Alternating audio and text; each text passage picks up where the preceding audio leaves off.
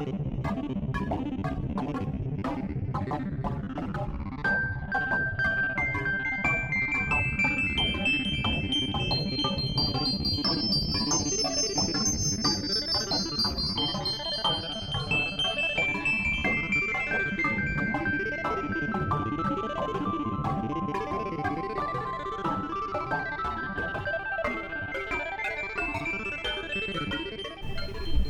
Hej och välkomna till Akademipodden, Sveriges Unga Akademis podcast. Jag heter Annika Moberg och är kommunikationsansvarig för Sveriges Unga Akademi. Med mig har jag inga mindre än Palle Dahlstedt och Christer Nordlund, ledamöter i akademin. Palle, vad forskar du om? Eh, framförallt utvecklar jag nya teknologier för konstnärligt skapande, främst inom musik, eh, men inte bara. Och så är jag väldigt intresserad av konstnärliga skapandeprocesser, hur de går till inuti så att säga.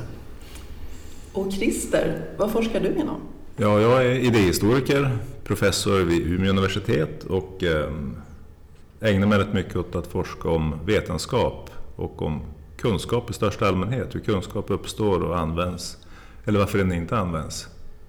Ja. Mm. Christer är också redaktör till Akademins bok, ska jag passa på att säga, Vägar till vetenskapen, där den första kullen ledamöter berättar personligt om hur det kom sig att de blev forskare. Det finns mer information om boken på vår hemsida, sverigesungakademi.se. Men idag ska vi prata på temat forskningens dynamik. Hur uppstår och etableras nya vetenskapliga discipliner och områden? Något som vi belyste igår med seminariet med samma namn. Har ni några spontana reflektioner på seminariet? Ska vi säga något lite grann om vad det, vad det, vad det handlade om? Ja. Um, vi, hade, vi hade alltså bjudit in eh, ett antal eh, gäster, forskare som berättade om olika ämnens upp, eh, tillkomst och utveckling.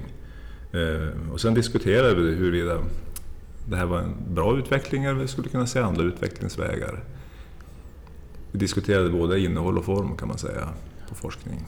Och, och man kan ju säga att vi hade både ett inifrån perspektiv där vissa gäster var inbjudna därför de hade varit med när ämnen har uppkommit under flera decenniers tid, alltså gamla veteraner. Och även några som nu verkar i ämnen som är ganska nya. Och sen några som hade forskat på och studerat hur ämnen utvecklar sig. Mm. Så vi har på så sätt diskuterades frågan både inifrån och utifrån kan man mm. Ja, det var en mängd bra perspektiv. Ja, en, spontan, en spontan reaktion för mig på det är väl att jag tycker att det blev rätt givande och lärorikt. Men att man skulle vilja haft ännu fler ämnen. Det finns ju så väldigt många olika man skulle kunna diskutera och som är intressanta på olika sätt. Ja, när vi planerade det här seminariet så, så nämns ju väldigt många olika ämnen. Men en dag har ju en viss längd och man måste också låta folk mm. få lite tid att, att eh, beskriva det som hände. Så, så det fanns ju en gräns för hur många vi kunde ha med. Eh, men, men det var ändå ganska bra spännvidd tycker jag med alla så att säga forskningsriktningar mm. representerade. Mm. Det var från alla, tror jag, de flesta fakultetsområden. Ja. Några exempel? Ja, vi kan väl säga ett exempel eh, på ett sånt här nytt om, relativt nytt område eh, är genusvetenskap. Eh, som en, en, en, en lektor vid Göteborgs universitet som heter Mia Linarsson pratade om. Som hade det lite motigt från början men som idag är helt etablerat vid universiteten. Jag minns att hon visade ett slagord från genusforskningens barndom om man säger. Mm. Mm. Gråt inte, forska. Ja, exakt. Det, är helt bra. underbart tycker jag. Ja, ett annat område som vi eh, behandlade eh, var miljöforskning. Som är då, eh, idag är ett enormt stort eh, forskningsområde. Ett av de största faktiskt i Sverige. Men som från början var ganska litet och smalt. Sen hade vi ju eh, några av oss ledamöter som presenterade sina ämnen som så att säga passade in i, i det här perspektivet. Bland annat eh, presenterade jag konstnärlig forskning som är relativt nytt. Eh, Danica Kragic presenterade forskningen om robotik. Och Örjan Karlborg pratade om bioinformatik. eh, kombinationen mellan genetik och, och datavetenskap i, i hans fall. Behövs nya ämnen? Varför kommer de till? Hur går det till? Jag skulle säga att det är helt oundvikligt. De ämnen som vi kallar klassiska har väl inte alltid funnits heller. De har ju avknoppats från, från en allmän, från filosofin genom historien mm. får man väl säga, om man går långt tillbaka. Eh, men det är väl helt oundvikligt att, att nya upptäckter av nya fenomen och, och nya kunskapsområden i, i, samhället eh, tar sig uttryck i, i nya forskningsdiscipliner och forskningsämnen. Mm. Och ibland kan de ha sin grund i nya metoder och, och maskiner och, och sådana saker. Mm. Vi kan ju tillägga att den, den första föreläsningen hölls av Eh, idéhistorikern Sverker Sylin som gav en bred bild av eh, kan man säga, disciplinernas eh, ökande eh, mängd liksom genom historien genom specialisering. Genom specialisering så blir det fler eh, inriktningar på forskningen. Men det behöver ju inte alltid betyda att det blir flera discipliner. Hans tes var snarare att kanske att antalet discipliner nu Eh, minskar, eller snarare går upp i varandra. Och ett begrepp som återkom ett par gånger igår var begreppet postdisciplinaritet. Vilket betyder att vi, liksom, både det att olika ämnen nu går in i varandra mer än tidigare och att det inte heller är riktigt lika viktigt med de här disciplinära gränserna som det kanske var för några decennier sedan. När varje ämne företräddes av en professor, en institution och så. Idag ser vi många olika typer av Eh, organisationsformer eller centrumbildningar, eh, forskningsgrupper och liknande som blandar på ett sätt som vi inte såg för några decennier sedan. Det är en tendens. Jag tolkade Sverker Kjellins eh, tankar om just, just det här som att det, han poängterade att specialiseringen fortgår. Alla forskare har fortfarande en väldigt smal specialisering men specialiseringarna är så många att det inte kan förgrena sig i, i, olika institutioner och ämnen längre utan att man snarare nu går tillbaks till större institutioner på universiteten och, och där istället en institution kan härbärgera folk med ganska olika specialiseringar och olika infallsvinklar. Mm. Ehm, och, och jag känner igen mig i den beskrivningen. faktiskt. Så att det handlar egentligen om att det är ännu fler avknoppningar men att eh, universiteten hantera det på ett nytt sätt. Mm. Och ett sådant exempel som togs upp var området digital humaniora som till skillnad från genusvetenskap inte har blivit en disciplin i Sverige i alla fall. Utan att man där egentligen värnar om en, en situation där man, där man inte ska bli disciplinerad. Alltså att man per definition disciplinerad att hålla sig inom givna ramar. Utan att man faktiskt kan utvecklas på ett, på ett ganska fritt och dynamiskt sätt. Och gå in i olika ämnen också. Och Patrik Svensson som presenterade det här området, eh, som ju har varit med och byggt upp Humlab i Umeå, han, han poängterade just det här ganska starkt, att de inte vill bli ett ämne. Och att det ger en frihet att inte vara det. Mm. Han pratade också om fysisk plats, vad det har för effekt. Ja, alltså, ja, han betonade just Humlab som, som fysisk plats. Ett ställe man går till, hänger med intressanta människor och att där kan byggas upp eh, kunskap på ett ganska effektivt sätt. Och det, det, är ju eh, ett känt fenomen som jag tror stämmer väldigt väl. Alltså att det, det har väl visat sig på, på många ställen att, att det är viktigt att man faktiskt ses regelbundet, att det finns kvantitet i mötet mellan forskare. Att man kan diskutera saker regelbundet. Därför man vet inte riktigt när de intressanta sakerna händer. Han hade också synpunkter på hur man ses. Eh, att man till exempel använder sig av eh, presentationer på ett visst sätt och att man står i en talarstol eller hur publiken har möjlighet att delta. Att det Ja, liksom, till... liksom jag så är han emot Powerpoint-diktaturen. Eh, jag, jag, blir nästan arg så fort någon ber mig att skicka in en, power, en presentation och det underförstås att det ska vara en Powerpoint. Eh, därför för mig som, som varande scenkonstnär och musiker där man kommunicerar från en scen med, i, i tre dimensioner med, med retorik och kroppslig kommunikation och, och gärna gillar jag att göra experiment live inför publik och sådana saker. det är mer vågat men det är mycket intressantare. Så, så jag tycker att det har varit en väldigt, en väldigt tråkig likriktning eh, faktiskt. Och, och, där fick jag oväntat stöd från Patrik. Mm. tyckte jag var trevligt. En annan slags plats eller miljö för ämnesöverskridande forskning som togs upp igår var temainstitutionen vid Linköpings universitet. Och då medverkade Lars Ingelstam som var med från början och byggde upp den där miljön. Och den, den ser ju då väldigt olika ut när det där sattes i verket under 70-talet jämfört med vanliga universitetsinstitutioner på det viset att man hade ett, eh, egentligen man utgick ifrån breda eh, teman eller problem. Och sen tog man in de forskare från olika ämnen som man ville ha där att jobba med de frågorna. Alldeles oavsett nästan vilket ämne man tillhörde. Och den temainstitutionen har ju sedan eh, fortlevt och haft en väldigt stor framgång.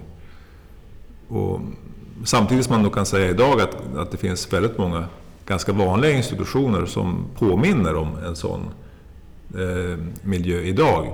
Tack vare att vi har fått en mera, mång, mång, flera mångdisciplinära institutioner i landet. Men de var onekligen väldigt tidiga med att göra det. Ja, de var tidiga med att, att liksom institutionalisera det i, eh, inom ramen för ett universitet. Man utgick ifrån en sorts samhällsbehov va? som skulle inte vara för tidsbegränsade. Ja, tanken från början var att det skulle um, utvärderas vart tionde år tror jag. Uh, och där kan, där kan vi ju se att de flesta av de tidiga tematiska avdelningarna eller inriktningarna finns faktiskt kvar idag. De har inte ändrat namn åtminstone. Däremot har ju innehållet förändrats eh, på en del av dem. Och det var också en sak vi diskuterade igår. Med, med, där Erika Johansson, Jansson från, från Sveriges Akademi hade samtal med Lars om huruvida det var bättre förr eller inte på den tematiska institutionen för teknik och social förändring. Och hennes, hennes bild var ju att det har förändrats lite grann. Att det har blivit lite mer konventionellt Science and Technology Studies än vad det var från början. Ja, så kan man väl säga. Det var många som tog upp begreppet silos, framförallt Sverker Sörlin kanske. Ja, det där, jag tror att det här med silotänkandet eller, eller eh, elfenbenstornen är någon beskrivning av mer av hur det var förut. Att man tänkte sig på ett universitet skulle det vara ett visst antal ämnen med ett visst antal professorer som höll på, jobbade på ett visst antal institutioner och de hade inte så mycket kontakt med varandra. Ehm, under de senaste decennierna så har det där luckrats upp med, genom att vi har fått varianter av mångdisciplinär forskning, tvärvetenskaplig forskning, transdisciplinär forskning, postdisciplinär och så vidare. Så att silosarna kanske inte är lika aktuella som en metafor, en metafor idag för att beskriva verksamheten. Det är lite mer kaotiskt idag. Eller kommunicerande kärl kanske? Ja, kanske så är den, är den bästa av, av världar. Så att man kan säga någon slags sammanfattning av det vi lärde oss igår och diskuterade är att situationen på eh, lärosätena idag är rätt så kaotisk kanske man kan säga, men lite schizofrent. Att det, när det gäller grundutbildningen så sker det ofta i ämnen inom discipliner i form av A och B-kurser och så vidare. Va? Ehm, ämnena finns kvar i form av universitetslektorat som man utlyser och även de grundläggande utlysningarna för forskningsprojekt hos forskningsfinansiärerna är ganska disciplinärt orienterade. Men när man tittar på forskningen, hur forskningen bedrivs, så utvecklas den idag snabb, i snabb takt mot eh, en, en, en, post, i en postdisciplinär inriktning då, som inte riktigt hänger ihop med hur grundutbildningen och tjänsteformerna ser ut. Och det där är lite trixigt att hantera, i synnerhet kanske om man är, en ung forskare då som känner att man måste å ena sidan specialisera sig inom sin disciplin för att kunna eh, få ett jobb och kunna få anslag. Men samtidigt som man vill verkligen delta i den mest aktiva dynamiska forskningen så, så är det också viktigt att våga eh, gå utanför de här ramarna och, och, söka samarbete med andra och arbeta tillsammans med andra. Samtidigt uttrycktes det ju att det finns kanske en poäng med att grundutbildningarna fortfarande håller sig inom ämnena och att, och att det kan hjälpa till att ge unga forskare liksom en, en bra grund att stå på. Och att det utifrån det sen är lättare att så att säga med bibehållen självkänsla kasta sig ut i det okända. Mm. Eh, och att om, om grundutbildningarna skulle vara lika, Eh, ska vi säga, postdisciplinära och så skulle vi ha mer förvirrade forskare.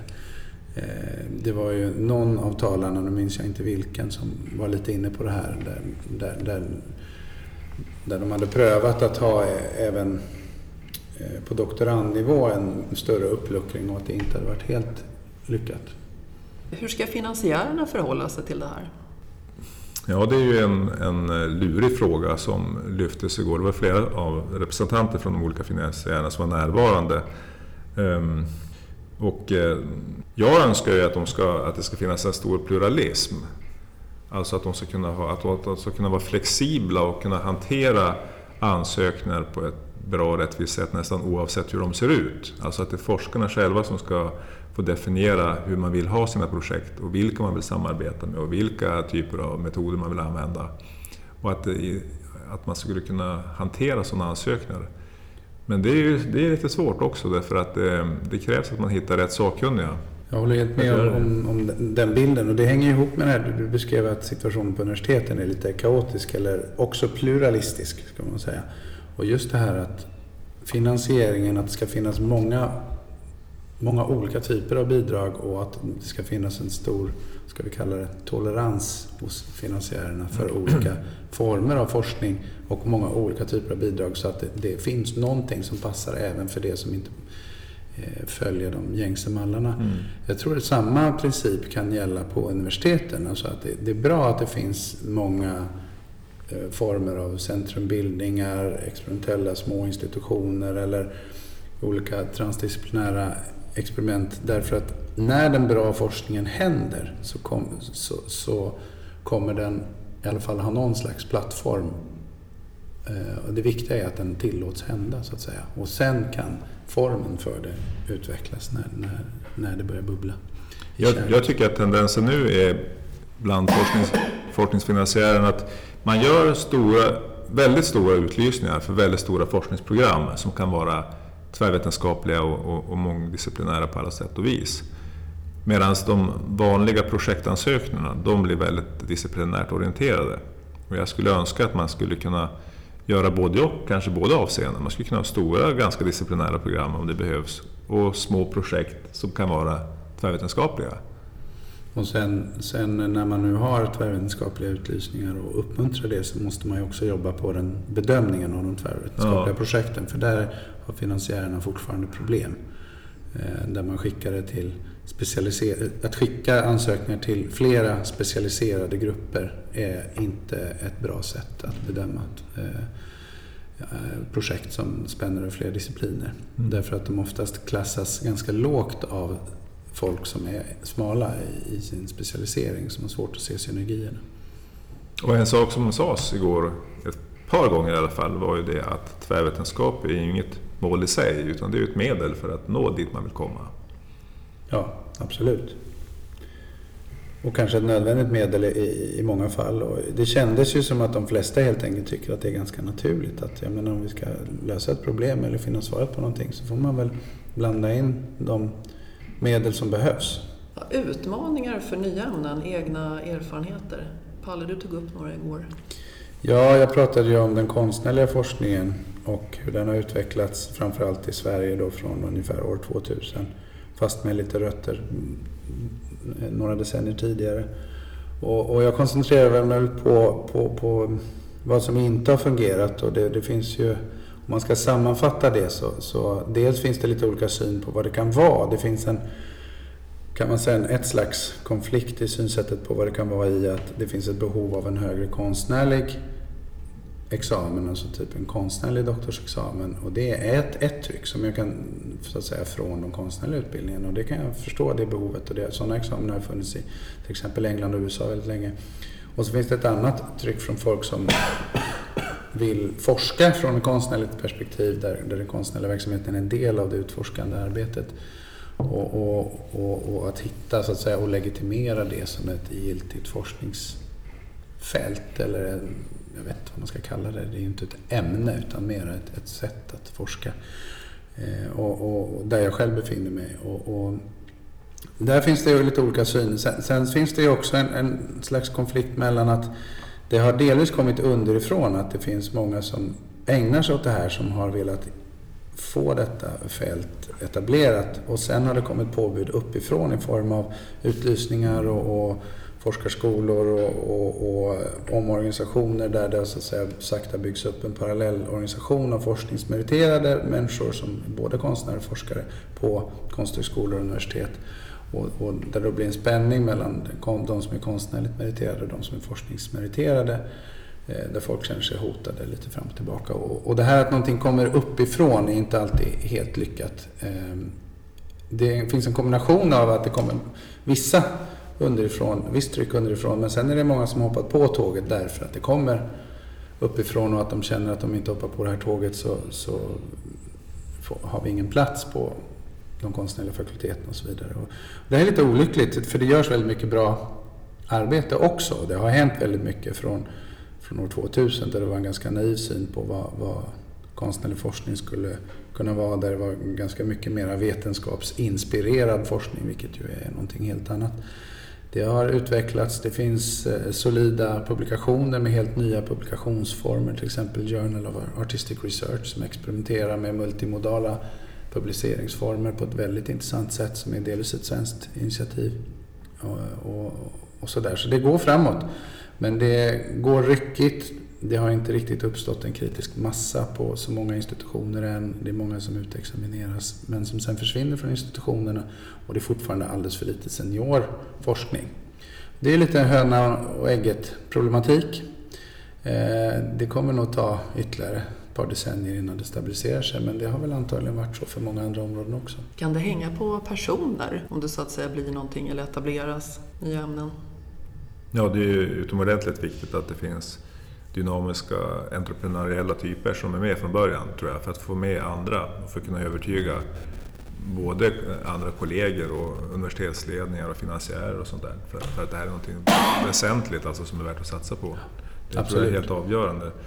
Sen men en utmaning, det ser ju lite olika ut mellan olika ämnen eller olika områden. För det är klart att det är en stor skillnad om det plötsligt det, kom, det växer fram någonting som är oerhört efterfrågat i samhället eller väldigt politiskt korrekt eller där det, som man antar har väldigt stor ekonomisk potential. Då kan ju ett, ett nytt ämne, relativt nytt, växa oerhört snabbt, alltså nästan snabbare än det finns människor som kan jobba i det. Medan nya ämnen som inte som är av mer, kanske mer vetenskapligt intresse som kan vara jätteviktiga för forskningen och i andra avseenden än just ekonomiska kan ju ha det lite svårare då. Ehm, och de kanske ändå kan erbjuda stora genombrott i längden som man nu inte ser? Ja, det kan du naturligtvis göra. Och det är ju det ständiga, ständiga problemet för, för grundforskning naturligtvis. Att man inte vet vad som ligger bakom hörnet, men man måste fortsätta. Men visst, miljöforskningens framväxt som, som eh, Thomas B Johansson eh, berättade om på seminariet igår. Det är ju ett ypperligt exempel på ett ämne som har växt med så att säga statens eh, starka stöd från början, från 60-talet och, fram. Eh, fortfarande. Mm. Växt enormt fort. Okej. En sista fråga bara. Ett tidigt arbetsnamn för forskningens dynamik var ämnens födelse och död. Har ni något exempel på ett ämne som har dött ut? Ja, e- ett sånt där ämne vi, vi funderade på om man skulle ta upp är rasbiologi. Där ju Sverige var världsledande på, under mellankrigstiden och som fick ett eget institut i, i Uppsala som hade eh, starkt stöd från alla politiska partier eh, i Sverige som ett eh, jätteviktigt ämne. Det ämnet blev väldigt svårt att upprätthålla, i synnerhet efter andra världskriget och betraktades ju också som, med tiden som vetenskapligt eh, helt ogrundat. Eh, men det, men det hade dragit ner lite stämningen kanske på symposiet om man hade tagit upp det som ett exempel. Men det är inte så länge sedan. Va? Och det, det är klart, det övergick ju sen i, i humangenetik som har blivit framgångsrikt. Om man ska ta ett annat exempel som är kanske lite mindre politiskt belastat så, eh, så finns ju till exempel eh, cybernetik som ju har försvunnit under det namnet eh, men, men istället gått upp i i till exempel data, ja, stora delar i datavetenskapen idag. Eh, så, så det, det, finns ju alla typer av processer. Ämnen kan gå upp i andra ämnen eller dö ut eller omvandlas. Okej, det var allt för denna akademipodd. Stort tack Palle och Christer. Och tack Palle.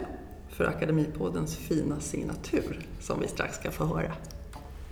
Tack. Tack. I'm going to go to the next one.